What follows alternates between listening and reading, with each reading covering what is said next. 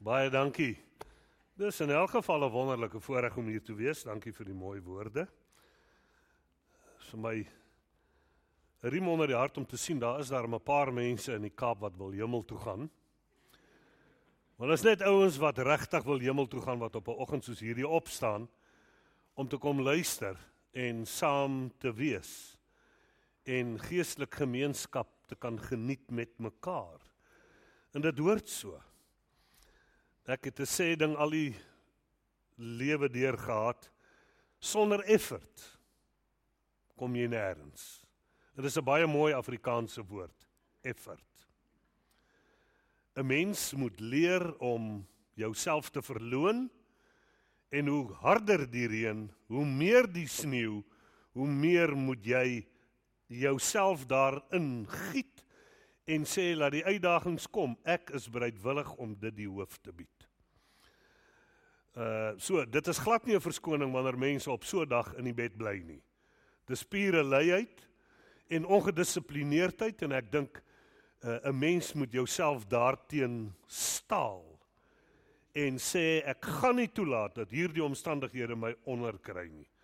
Maar ek moet ook daarin bely, ek is eintlik ook maar net hier oor die koeksusters. So as daar 'n klein bietjie belydenis hier daarby.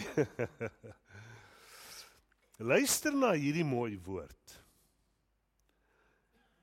'n Mens wonder altyd hoe kan jy God vrolik maak? Hoe kan jy God bly maak? Wat kan jy doen om sy aandag te trek? Deur jou godsdienstigheid? Nee. Net hierdeur.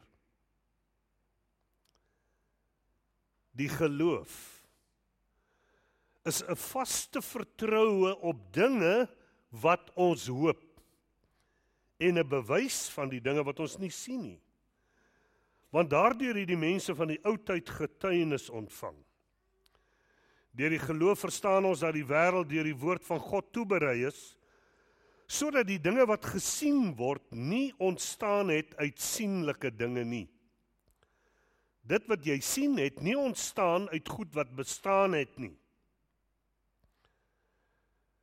Deur die geloof het Abel 'n beter offer aan God gebring as Kain. Waardeur hy getuienis ontvang het dat hy regverdig was, omdat God oor sy gawes getuienis gegee het. Deur die geloof is Henog weggeneem om die dood nie te sien nie en die hele hoofstuk gaan oor geloof en die getuienis van wat mense ontvang het wat God behaag het. Maar luister nou hierna. Sonder geloof is dit onmoontlik om God gelukkig te maak. Sonder geloof is dit onmoontlik om God te behaag. Dis dieselfde begrip om hom gelukkig te maak, om hom vrolik te maak, om sy aandag te trek. Dit kan jy slegs doen deur geloof aan die dag te lê. En dis waaroor ek so 'n paar gedagtes met julle wil wissel. Ek dink een van die grootste frustrasies in hierdie wêreld is wanneer 'n mens bid en dit lyk asof daar geen opmerksaamheid by God is nie. Jy praat soms met mense, hulle kyk jou in die oë en jy weet hulle hoor nie wat jy sê nie. Soms praat 'n mens met God. Dis asof sy gesig na jou gedraai is. Maar dit lyk vir jou of hy oënskynlik niks hoor wat jy sê nie. Jy bid in die oomblikke van jou benoudheid van jou hartseer. Van jou nood. En dan lyk dit asof daar geen opmerksaamheid is by God nie. Kan jy die geleentheid onthou waar Jesus hier op aarde tussen sy vriende beweeg het een van sy naaste vriende ernstig siek geword het 'n boodskapper na hom gestuur was en gesê het kom dadelik en kom bid vir Lazarus en hy net nie gehoor gegee het nie. Mens verstaan nie altyd hoekom doen God dit nie. 4 dae was Lazarus in die graf en ten spyte daarvan het het Jesus nie gereageer nie. Jare sit jy vasgevang in hierdie knoop van omstandighede en jy kry dit nie ontknoop nie. Jy weet nie wat gaan aan nie. Waar is God? En dit lei tot ongelooflike frustrasie. En dit lei jou ten einde laas na die plek waar jy voel alles is bog. Daar is geen God nie. Godsdienst is maar bloot die opium van die volk.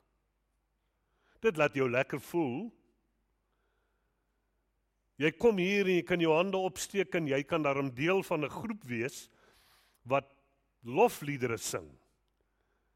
Maar dit neem jou nie verder nie. Jy kan nie sien dat God bemoeienis van jou lewe maak nie.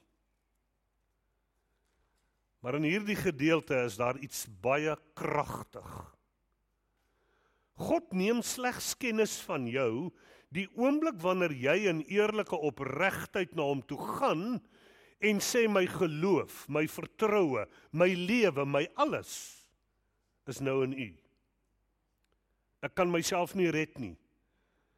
Ek weet nie hoe om aan die ander kant uit te kom nie. Ek het jare gelede toe ek op skool was, 'n voortrekkerkamp bygewoon. En by daardie geleentheid het 'n goeie vriend van my by 'n rivier in die Laagveld in die water geval en hy kon nie een tree swem nie. Ek kon die vrees en die angs op sy gesig sien. En soos ek en jy ook baie maal vasgevang in vrees en angs, hoe gaan ek lewend hier uitkom? En sonder om te dink het ek in die water gespring, hom gegryp en gespartel en gespook totdat ek hom uit hierdie watergat kon kry. Soms lyk dit vir my die Here laat toe dat 'n mens eers op daardie plek kom waar jy jouself nou nie meer kan red nie, waar jy alles probeer het en alles gefaal het. Ek dink nie God wil sy eer met jou deel nie.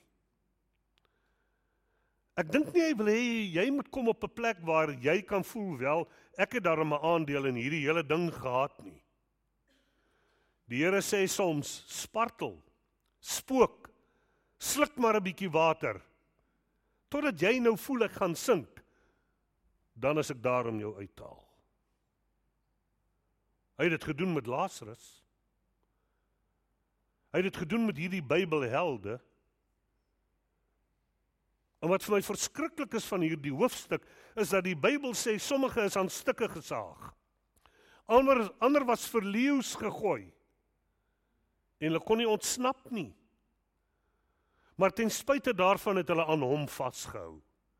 Jy sien wat die duiwel wil doen deur omstandighede jou op te ry teen God. Jou op 'n plek te bring waar jy voel wel God laat hy God wees as hy daar is, maar ek stel nie in hom belang nie. Hy probeer jou kwaad maak vir God. En jy mag dit nooit toelaat nie. Jy wonder altyd hoekom ek? Hoekom nie iemand anders nie? Maar ek wil jou vra, hoekom nie jy nie? Hoekom nie jy nie? Jy's nie so spesiaal nie. Jy's 'n maaksel van God. En as dit die pad is wat jy moet loop, dan loop jy hom. Koning Dawid was 'n groot held. En hy kom eendag van die slagveld af nadat hy 'n klomp boewe en skurke om die lewe gebring het. En die Bybel sê daar loop 'n lieplapper. 'n Iemand wat 'n niks is nie. So entjie van hom af en hy vloek hom heeltyd. Hy vloek die koning. En een van Dawid se helde sê: "My Heer, laat my toe om om te draai en sy kop te gaan afkap." En hoor wat sê Dawid: "Ek is nie so spesiaal nie. Ek is nie so besonders nie." Miskien het God dalk vir hom gesê hy moet my vloek. Los hom uit. Dis 'n verskriklike ding. Miskien het God dalk gedink Dis goed om jou deur hierdie ding te stuur. Los God uit. Hy weet wat hy doen. Jou lewe is in elk geval in sy hand. Hy gaan jou lewend aan die ander kant uitbring. Maar hoe kry ek God se aandag? Hoe kan ek my my my my drome 'n werklikheid maak? Daar is 'n paar dinge wat die Bybel suggereer ek en jy moet doen alvorens God regtig sal ingryp in ons situasie. Isak, hy was 'n seun van Jakob. Sê die volgende: In die aand voor die son gesak het, het ek een kant toe gestap en dan het ek gaan mediteer. Koning Dawid sê ek mediteer baie maal in die nag. Wat beteken dit ek oordink sekere goed? Die Bybel sê jy ontvang dinge waarop jy hoop. Wanneer ontvang jy dit? Dis waaroor ek met jou wil praat. Jy weet baie mense is so lief vir hulle eie stem, hulle kan nooit ophou praat nie. Dit maak my so moeg as jy in 'n geselskap kom en iemand stap daarin en hy neem die hele gesprek oor. Hy praat dag en nag. Hy's so lief vir sy stem, hy praat tot in sy slaap. Jy gee God nooit 'n kans om met jou te praat nie. Jy gee mense rondom jou nooit kans om 'n woord te sê nie. Almal moet na jou luister. Ek het nou die dag in 'n restaurant gesit, so net by myself met my koerant. En weet jy hoe irriterend het ek dit gevind dat daar 'n man in hierdie groot restaurant was wat so hard gepraat het en so onophoudelik gebabbel het dat niemand hulle self kon hoor nie. En ek en jy is baie maal so. Jy kom nooit tot stilstand nie. Jy het nog nooit die geheim geleer wat Isak en Dawid geleer het en dit is om te mediteer nie. Soms wil ek nie hê mense moet met my praat nie. Soms kan ek heeltemal verdiep raak in sagte mooi musiek. Want dan begin jou gedagtes werk. Hoe kan jy van God ontvang? Leer hierdie les om te hoop op dinge wat jy graag uit die hand van God wil ontvang. Gaan een kant. Begin droom oor jou eie lewe. Droom oor jou eie toekoms. Waarheen is jy op pad? Weet jy waarheen jy op pad is? Of is jy maar net normaal stroom? Is jy maar net saam met al die ander mense in hierdie hele situasie. Jy gaan in elk geval nêrens uitkom nie. As jy 'n impak wil maak met jou lewe in hierdie wêreld, moet jy eenkant gaan en begin droom oor jou eie lewe. Wat wil ek bereik? En dit moet jy begin visualiseer. Paulus sê ek wens dat God julle almal se geestelike oë sal open. Hy gebruik eintlik die woord verhelder. Hy sê mag God julle geestesoë gee wat verhelder is. Die Bybel praat van Dawid en en en van sy manne wat moeg geveg was en in die veld afkom op 'n klompie heuning En een van die manne steek sy staf daarin en hulle eet die heuning en die Bybel sê sy oë het helder geword. Daar het nuwe krag gekom in hom. En dis belangrik dat ek en jy gaan mediteer. Totdat ons hoor wat God vir ons wil sê en jou geestesoë oopgemaak sal word vir dit wat God wil hê jy moet sien. Hou op praat. Hou op besig wees. Hou op heeltyd perform. Baie mense is mos so, ag, hy trek sy gesig en hy gaan te kere. Hy soek net heeltyd almal se aandag. Hou op.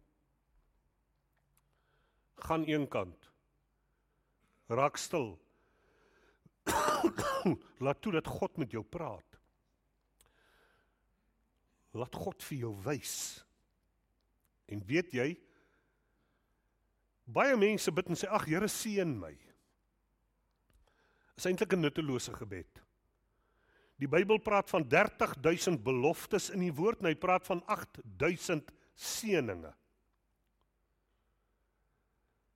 Baie maal wanneer mense so in die lig skiet met jou gebede, is dit maar net 'n teken van jou ongeloof.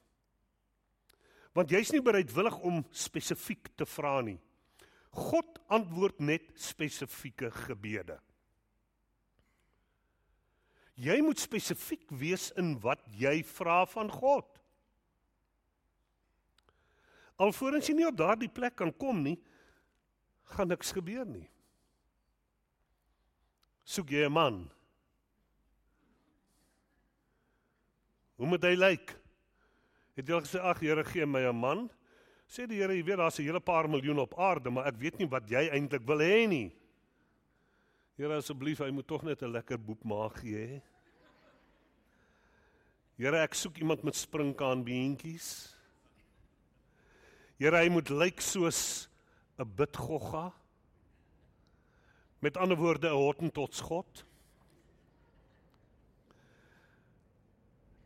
In die oomblik wanneer jy spesifiek begin bid, gebeur daar iets in jou gees. Elke ding in hierdie lewe wat jy wil bereik, moet jy beetneem met jou gees. Ons probleem lê hier.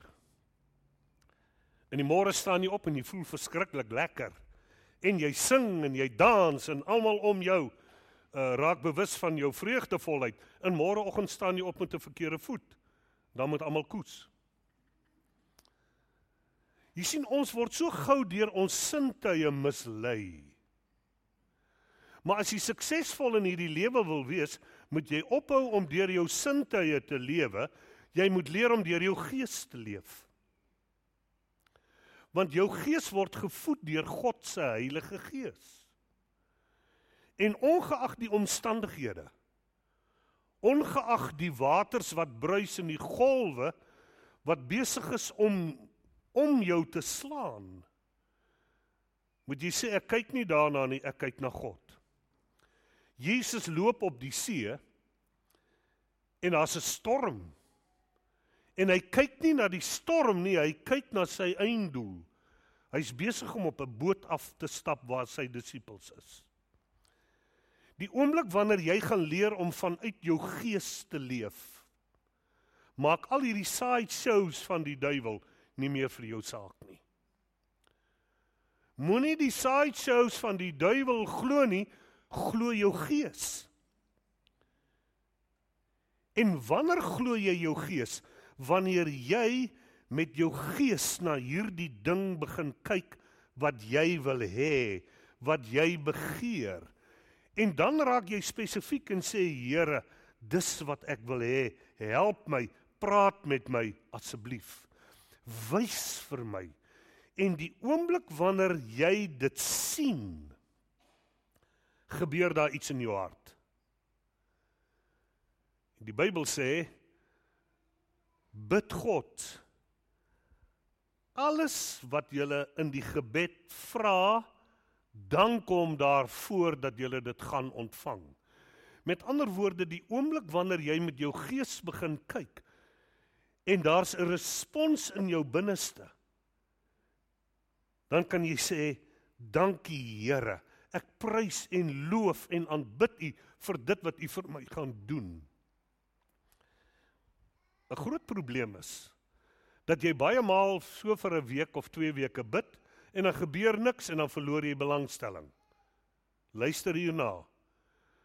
'n Vrou raak bevrug deur 'n spermselletjie. En van daardie minuut af begin sy vir almal vertel ek is swanger. Ek verwag 'n baba. En elke week kom iemand na haar toe en sê en nou waar's die baba? En dan sê sy die baba kom. En na 2-3 maande, waar is die baba? Die baba kom. En na 9 maande kom die baba. Ek en jy bid baie maal. Die antwoord kom. Die wonderwerk is op pad. Hoekom is jy nie bereidwillig om 9 maande te wag nie? Hoekom is jy nie bereidwillig om 'n jaar en 9 jaar te wag nie? Hoekom kan jy nie wag tot in daardie oomblik dat die geboorte van hierdie droom 'n werklikheid word nie? Josef het gedroom. Hy het gedroom sy familie kom buig voor hom neer. En dit het vir hom verskriklike ellende veroorsaak. Sy oudste broer en uh, het gegaan na sy ander broers toe en hulle opgeruy teen hom. Hulle het hom gegryp en hom in 'n modderput gegooi. Dit is waar sy droom, dit wat hy gevisualiseer het, hom laat beland het. Baie maal die oomblik wanneer jy hierdie iets kry in jou binneste, begin alles verkeerd loop. En jy verstaan dit nie. Jy hoef dit nie te verstaan nie. Josef kon nie verstaan wat maak hy nou hier in 'n modderput nie. En die volgende oomblik kom die Ismaeliete en haal hom daar uit en hulle vat hom weg na 'n ver land. En dit was nie die einde van sy ellende nie, hy beland in die tronk. Sy familie weet nie waar hy is nie, sy broer sê aan hulle pa, hy's dood, 'n beer het hom verskeur. Hier is sy kleed vol bloed. Josef het net hierdie een droom gehad en dit het hy in sy hart gehad dat dit wat God gesê het een of ander tyd te werklikheid gaan word. En dit moet jou laat vashou aan die woord wat jy ontvang het in jou hart. Die droom wat jy gekry het in jou binneste. En so verloop baie jare. En op 'n dag word hy ontslaan uit die tronk word hy aangestel as eerste minister van sy land. Word hy aangestel oor al die oor al die kos van die land totdat sy broers kom kos koop en voor hom buig. En sy pa Jakob kom en voor hom buig. En hy ten einde laas vir hulle sê ek is Josef. Jare het verbygegaan en ek het met hierdie swangerskap in my hart geloop. Dis geloof. Dis geloof. Jy moet spesifiek wees. Here, dis wat ek wil hê. Ek kan onthou jare gelede nadat ek tot bekering gekom en ten einde laas in 'n teologiese seminarium beland het, het ek net eendag 'n een droom gehad. Terwyl my oë oop was van 'n kerk wat ek gaan bou. En ek het ge, ek het gesê dit dit dit gaan gebeur. En die kort en die lank van die ding, dit het 'n werklikheid geword. Op 35 jarige ouderdom bou ons hierdie grootste kerk op daardie tydstip in Suid-Afrika, hier in Goodwood die groot wit kerk. Nie omdat ek so oulik is nie, maar omdat God my 'n droom gegee het. Ek het met my geestesoë gesien. Die hoofkantoor van ons kerk wou nie toelaat dat ek die kerk bou nie. Hulle het my laat opvlieg Johannesburg toe en die eertydse president en al die manne van name daar gesit en gesê ons sê vir jou jy bou hom nie. In blaatante vermeetheid het ek daardie dag gesê ek bou hom. As julle nie kan glo nie, glo my, ek sal namens julle glo. God het dit vir my gesê. En dit het 'n werklikheid geword. En so kan ek en jy enige iets doen as jy weet God is met jou. Moet nie in jou verwaandheid iets probeer doen en God het nie dit in jou gees gelê nie. As jy dit in jou gees het, gaan dit een of ander tyd gebore word. Maar jy moet spesifiek wees. Nie ag Here kom sien en ons Here red die wêreld. Here doen dit en Here doen dat. Gee vir my 'n kar, gee vir my 'n huis. Jy moet spesifiek wees.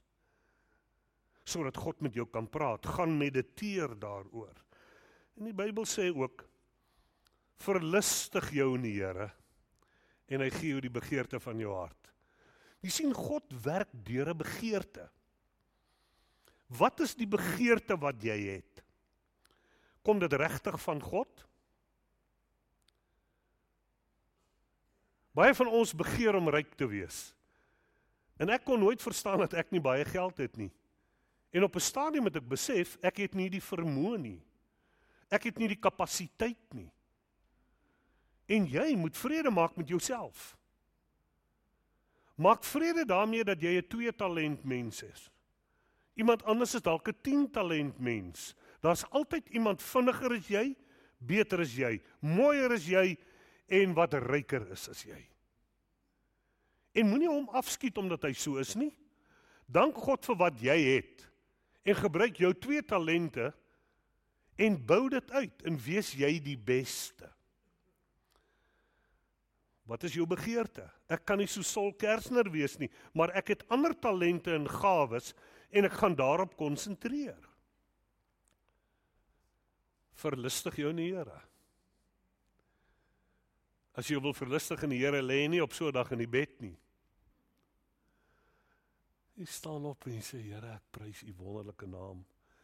Dankie vir 'n fantastiese dag. Jy hoef nie 'n sien te maak nie. Gaan maak jou sien waar niemand jou sien nie. Dis eg. Ek het so deur die jare in die bediening gesien, het altyd mense wat 'n sien wil maak in 'n kerk. Hy dans met 'n vlaggie en hy doen dit en hy doen dat en is net om bloot aandag te kry of hy val neer in 'n rol. Daar was ons 'n stadium by die kerk se deur sulke stadiums gegaan het met die Toronto blessing. Dan het hulle gelag, dan het hulle gehuil, dan het hulle gekraai soos hoenders, dan dit en dat en dis alles maar net om bloot aandag op jouself te kry. Gaan waar jy alleen is en gaan maak jou sien daar. Want jou God wat in die verborgene sien, sal jou in die openbaar vergelde.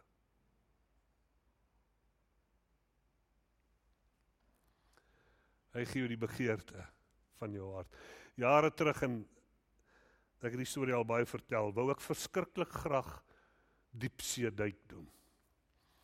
Op 'n dag ek nog 'n jong kerel hier in die Kaap, kom daar 'n student van Stellenbosch by my aan en sê man, gaan duik saam met ons. Ons hoor jy duik. Ek sê natuurlik duik ek. Maar wat hulle nie geweet het nie, ek duik net met 'n snorkeltjie en 'n bril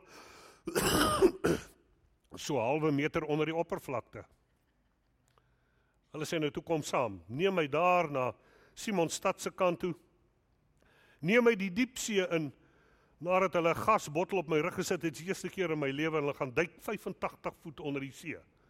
En ek gaan saam. En uh, toe ek daar uitkom, toe voel ek soos 'n ou gesoute duiker en ek het dit oorleef. En uh, Ek klim uit die water uit en ek sê Here, ek het nou duiktoerusting nodig asseblief. Dis vir my 'n wonderlike sport. Ek wil dit graag doen.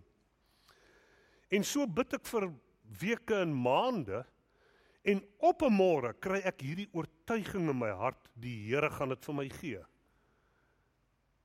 Maar wat ek nie verstaan nie is dat die Here nie sy voete so sleep nie. Wat gaan aan met hom? Ek het dit nou nodig. Ek het dit nie oor 'n jaar nodig nie, ek wil dit nou hê. En later besluit ek goed, ek gaan die Here help. En nou begin ek goedjies koop, dan koop ek dit, dan koop ek daai. Naderhand het ek so 'n 'n laslap uh duik toerusting en alles by my en intussen gaan ek en my jeuggroep eendag hier teen die Weskus op na 'n sekere dorp en ons vir 'n week hou ek daar dienste en ons bly by 'n spesifieke persoon en hier op 'n môre vertel hy my van hoe hy probeer diepsee duik doen het. Hy was een keer in die water met al sy toerusting en hy het amper verdrink en hy het gesê dis nie vir hom nie. Maar hy neem my in die kamer en hier staan die beste goed. Gasbottels. Masjiene waarop jy gas die gas kan laai en man alles is splinternuut. En hy sê wil jy dit nie hê nie? Ek sê baie dankie en ek laai al daai goed wat ek dink ek kan gebruik daarin. En toe ek wegry, verbeel ek my die Here sit en giggel. En hy sê onthou jy ek het met jou gepraat en gesê ek gaan dit vir jou gee, maar jy wou my help. En dis ons almal se probleem. Jy wil God soms help. Waarom wag jy nie tot die regte oomblik wat die Here dit vir jou wil doen nie? Geloof is 'n bewys. Dit bring bewyse, dit bring sekere goed in jou lewe na vore.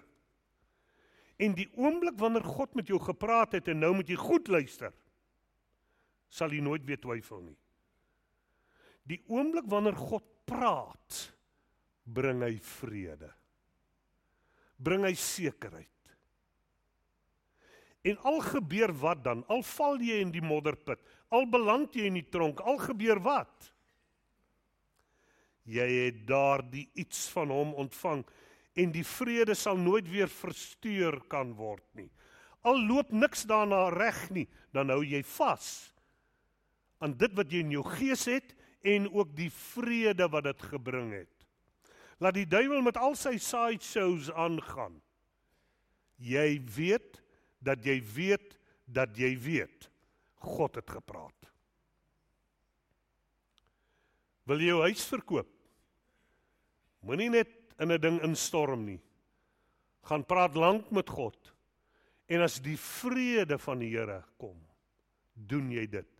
As die vrede nie daar is nie en jy bly onseker, doen jy niks. Solank as wat die stofwolke om jou kop dwarrel, doen jy niks.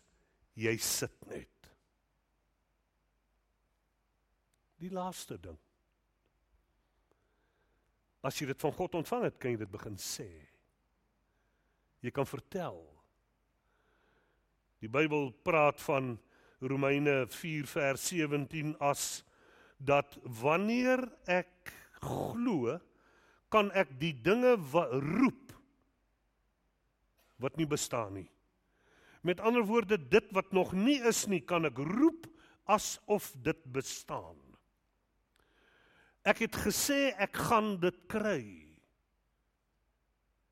Ek wou jare gelede Amerika toe gaan en ek het nie geweet hoe nie, maar ek het dit begin sê en dit het 'n werklikheid geword. Ek wou daar die kerk bou. Ek het nie geweet hoe nie want ek is totaal en al onkundig met betrekking tot al daardie goed en toe gee die Here vir my helde om om my te staan en hulle leer my en ek loop net agter hulle aan. Jy kan nie ekspert wees in alles nie. Jy is nie 'n ekspert in alles nie en probeer dit ook nie wees nie. Kry mense wat beter weet as jy om jou en laat hulle dit doen en stap jy net saam. En begin hierdie goed roep wat nie bestaan nie asof dit bestaan. Abraham is 100 jaar oud en sy vrou 90 en 'n engel verskyn aan hulle met 'n snaakse boodskap jy gaan 'n seun hê. En die Bybel sê sy het binne in die tent gesit toe sy hoor die engel sê dit vir Abraham en sy het begin lag. Moenie lag as God goed sê nie. Moenie lag nie. Dit klink vir jou soms verregaande.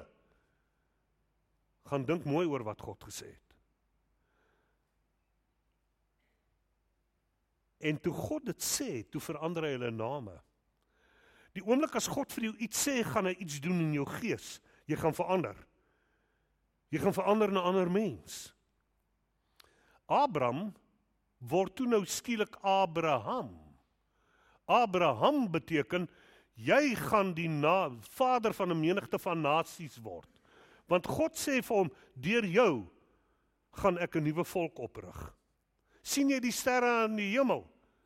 Soveel gaan jou nageslagte wees. Jy gaan nou nie meer Abraham wees nie, jy gaan nou Abraham wees. En sy gaan nie Sara wees nie, sy gaan Sarai word. Sarai met ander woorde die vrou lyk dit vir my van 'n uh, 'n menigte van nasies. En weet jy wat die engel gaan weg en daar gebeur niks. En verlang gebeur daar niks. Maar nou werk Abraham onder in die landerye van die plaas. En Sara hier het kos voorberei en sy wil hê hy moet nou kom eet, dan staan sy daar buite en sy skree op die top van haar stem: "Abraham, Vader van menigte nasies, kom eet." En dan antwoord hy en dan sê hy: "Sarai, jy die vrou wat hierdie menigte nasies na vore gaan bring, ek is op pad." En dan staan al hulle bure buite. En die een sê vir die ander een, Abraham is 100, hy's besig om af te gaan. Sara is 90. Het jy gesien hoe lyk sy? Sy het glad nie Annetjie Tron se middels gehad op daardie tydstip nie. Sy's van die rimpels. Sy's definitief ook aangetast deur die Midde-Ooste se son. Hierdie twee is die snaakste mense in die wêreld. En so het hulle dit bly sê, bly sê, bly sê, want God het gesê. En as God sê, dan glo jy wat God sê. En jy bly daarby. En op 'n dag toe kom sy uit die tent uit met 'n klein babatjie. En al die bure sê het nou iets gebeur. Ons het nog nooit so iets gesien nie. En daar begin die wonderwerk. Geloof is 'n vaste sekerheid op dinge wat God sê. Wat is jou probleem of behoefte vandag? Wat is jou droom? Gaan mediteer. Gaan praat. Praat met die koning van al die konings. Gaan kyk met geestesoë en laat toe dat God iets hier binne doen. En op sy tyd word die wonderwerk gebore in jou hand. Kom ons almal sluit ons oë. Ek wil vir jou bid. As jy 'n wonderwerk van God nodig het, staan nou op in jou sitplek. Net daar waar jy is, gaan ek vir jou bid. As jy 'n wonderwerk van God nodig het, staan nou op. Jy ingesluit wil wees met my gebed. Net jy met wie God gepraat het. Net jy wat werklik 'n wonderwerk nodig het. Ek gaan vir jou bid. Hemelse Vader, baie dankie dat ons in hierdie oomblik kon hoor wat u sê vanuit u woord. Dankie dat u deur die eeue heen nog nooit verander het nie. Maar altyd dieselfde is en bly. Dankie dat u die God is wat 'n droom in ons hart vas lê. Wat wat vir ons iets in ons gees gee waarin ons kan vashou. En ek kom bid vir elke man en vrou, elke jong mens wat op hulle voete voor U staan. Kom deur U Gees en impregneer hulle gees. Lê 'n wonderwerk in hulle gees wat hulle kan vasgryp, waaraan hulle kan vashou. En al loop hulle die pad van die tronk, hulle daaraan sal vashou totdat God die wonderwerk geboorte gee. Ek vra dat elke een wat hier voor my staan se geestesoë verhelder sal word. Dat hulle met hulle gees sal kyk. En ek dank U vir die wonderwerk. As jy dit glo sê amen. En amen. Baie dankie.